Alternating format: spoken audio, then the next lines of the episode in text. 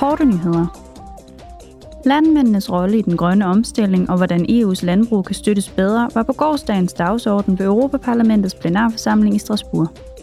Parlamentet drøftede dette sammen med kommissær med ansvar for finansiel stabilitet, finansielle tjenesteydelser og kapitalmarkedsunionen Marit McGuinness og Sveriges minister for EU-anlæggende Jessica Rosvald.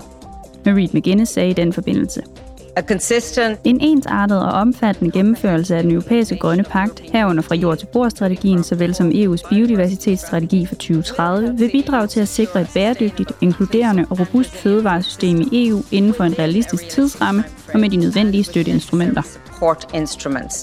Kommissæren tilføjede, at over 60 procent af landbrugsjorden i Europa er udpint, hvilket har direkte indflydelse på jordkvaliteten og evnen til at producere fødevarer.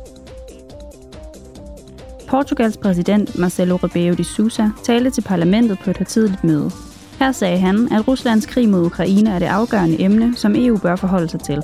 Han tilføjede, Quais são as questões essenciais Det, der haster mest, er at sikre, at en juridisk retfærdig og moralsk forsvarlig fred kan opstå på baggrund af den krig, der har gjort den ukrainske befolkning til martyr og haft indflydelse på mange andre mennesker over hele verden, herunder især i Europa.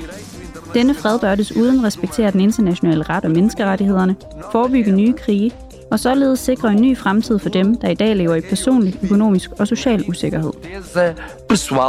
e.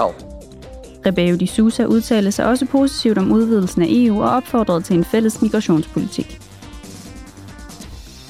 Parlamentet besluttede i denne uge hurtigst muligt at behandle et lovforslag, hvis formål er at øge EU's produktion af ammunition og missiler.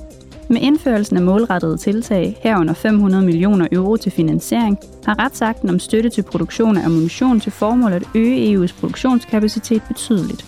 Parlamentet bakkede også op om et forslag om at suspendere EU's importafgifter på ukrainsk eksport af landbrugsvarer i endnu et år. Dette gøres for at støtte Ukraines økonomi.